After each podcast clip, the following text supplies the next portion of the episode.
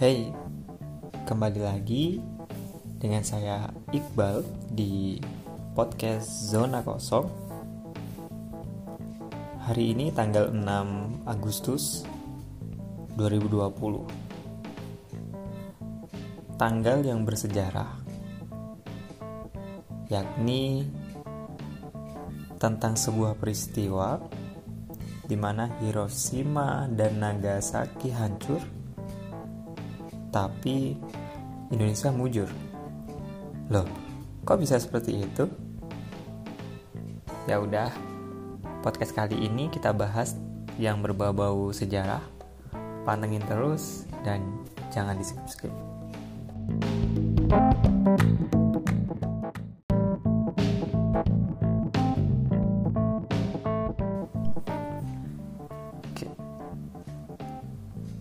Ngomongin tentang Jepang, teman-teman.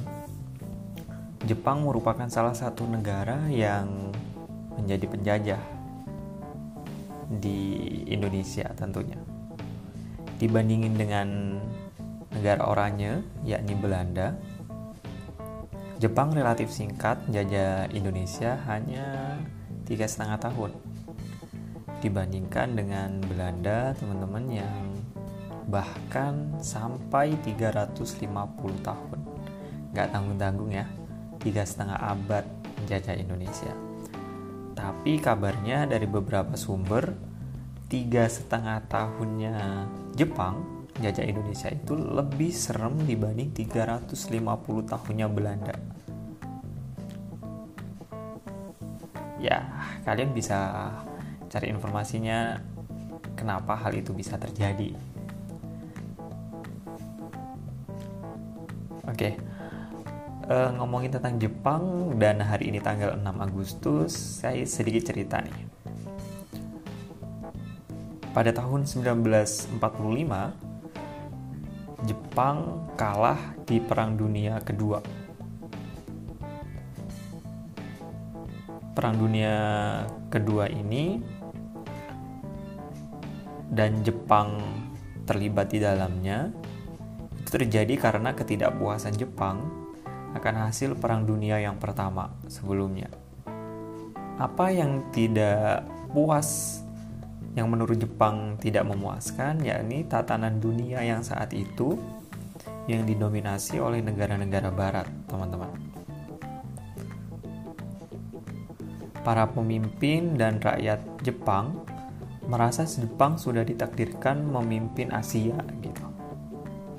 Sedangkan waktu itu dunia masih didominasi orang-orang barat. Sehingga Jepang berhak atas sumber daya yang melimpah di Asia ini. Yang kebetulan nih saat itu Asia masih dikuasai Amerika Serikat, Inggris, Belanda, dan banyak negara barat lainnya. Nah, dari ketidakpuasan Jepang itu maka muncullah Perang Dunia Kedua dan Jepang dengan PD-nya tadi menganggap bahwa yang berhak atas sumber daya yang melimpah di Asia itu ya Jepang gitu. Oke. Singkat cerita, pada suatu pagi tanggal 6 Agustus 1945 75 tahun yang lalu tepatnya pukul 8 lebih 15 atau sumber lain menyebutkan 8 lebih 16 di pagi itu ledakan atom membuat pagi yang kelam di Jepang. Bahkan Hiroshima nyaris rata dengan tanah tanggal 6 Agustus 1945 ini, tepatnya jam 8 lewat 15 pagi, bom atom dengan kode Little Boy akhirnya dijatuhkan ke kota Hiroshima. Dan tahu nggak? Korbannya 130 ribu. Lalu di hari yang sama, bom atom dengan label atau kode Fatman juga dijatuhkan sekutu di Nagasaki yang menelan korban saat itu 40.000 jiwa. Berdasarkan beberapa sumber yang saya baca nih, sebenarnya bukan Nagasaki saat itu yang menjadi sasaran sekutu, tapi sebuah kota yang bernama Kokura, di mana Kokura ini disinyalir merupakan tempat pabrik senjata di Jepang, sehingga sekutu ingin menghancurkan pabrik senjata itu. Tapi si Fatman, si bom atom ini tadi itu melenceng sejauh 2 mil. Sehingga naasnya jatuh di Nagasaki. Padahal bukan itu ininya apa namanya target sebenarnya. Nah, di tanggal 6 Agustus 1945 ini kemudian Jepang mengaku kalah teman-teman menyerah di perang dunia 2 dan Hiroshima dan Nagasaki hampir rata dengan tanah. Dengan kekuatan radiasi bom atom yang begitu dahsyatnya meluluh lantahkan semua kota. Kecuali mereka yang diselamatkan Tuhan. Sebut saja namanya Yamaguchi. Seorang pebisnis asli Hiroshima yang pagi itu hendak uh, melakukan perjalanan bisnisnya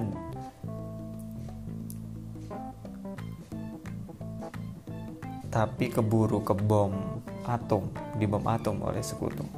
Ada lagi si Geki Tanaka namanya seorang pelari maraton yang justru dia korban nih, korban bom atom. Tapi justru sebagai atlet dia menjuarai maraton Boston tahun 1951. Ya, keren banget sih ya.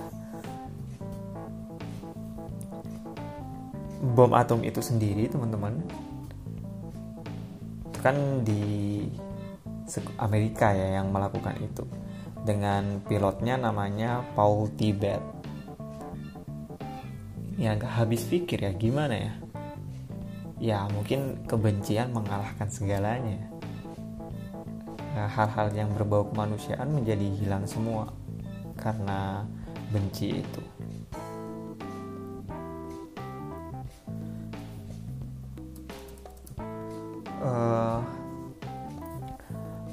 Gimana nggak benci Jepang ini kan apa ya etos etos kerjanya tinggi gengsiannya pun juga tinggi gitu.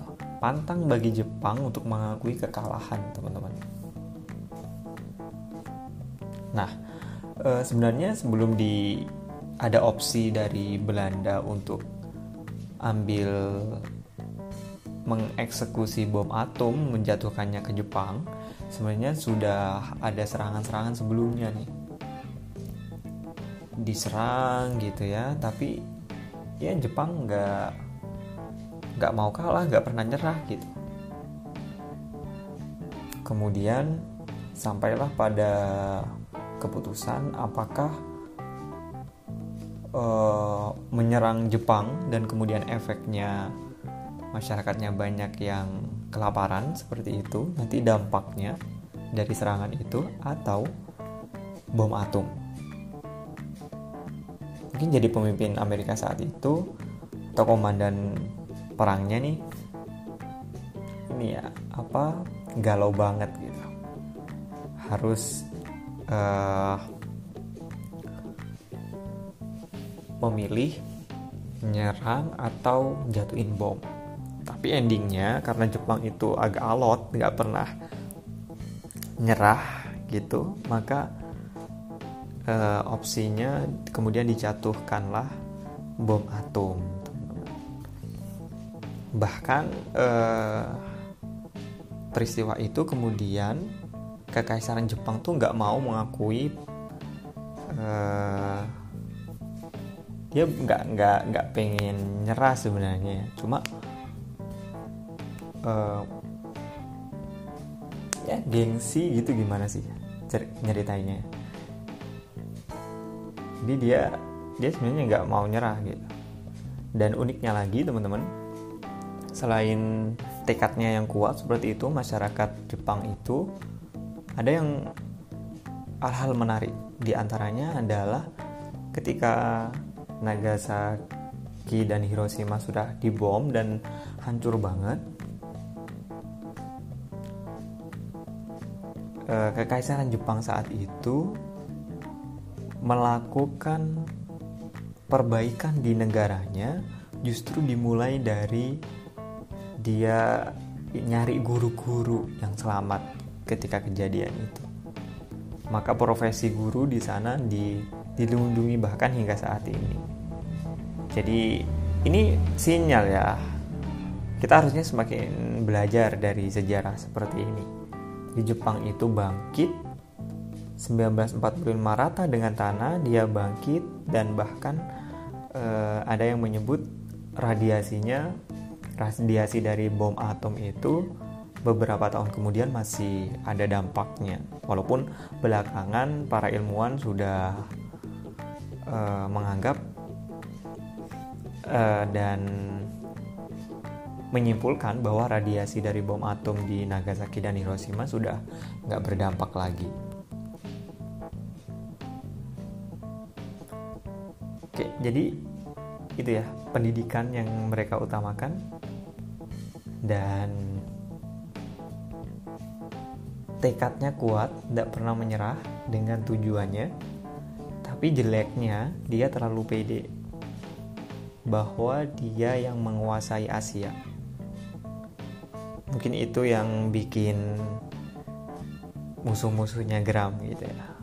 Nah, Hiroshima dan Nagasaki hancur Indonesia mujur karena semenjak dijatuhkannya bom atom oleh sekutu ke Jepang, ke Hiroshima dan Nagasaki tersebut, maka Jepang yang kala itu menduduki Indonesia kemudian menyerah. Maka sejarah membuktikan bahwa ada berkah gitu ya. Eh, apa ya sebutannya? Berkah atau ya apalah sebutannya. Yang jelas Hiroshima Nagasaki hancur, Indonesia mujur. Mungkin itu awal Indonesia bisa merdeka juga. Ya jalan Tuhan sih ya. Jadi memang seperti itu jalannya. Oke teman-teman, banyak sekali pelajaran yang kita ambil dari cerita kali ini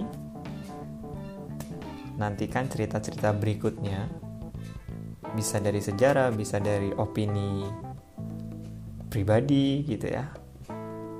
Terus saja pantengin zona kosong, semoga bermanfaat. Terima kasih. thank you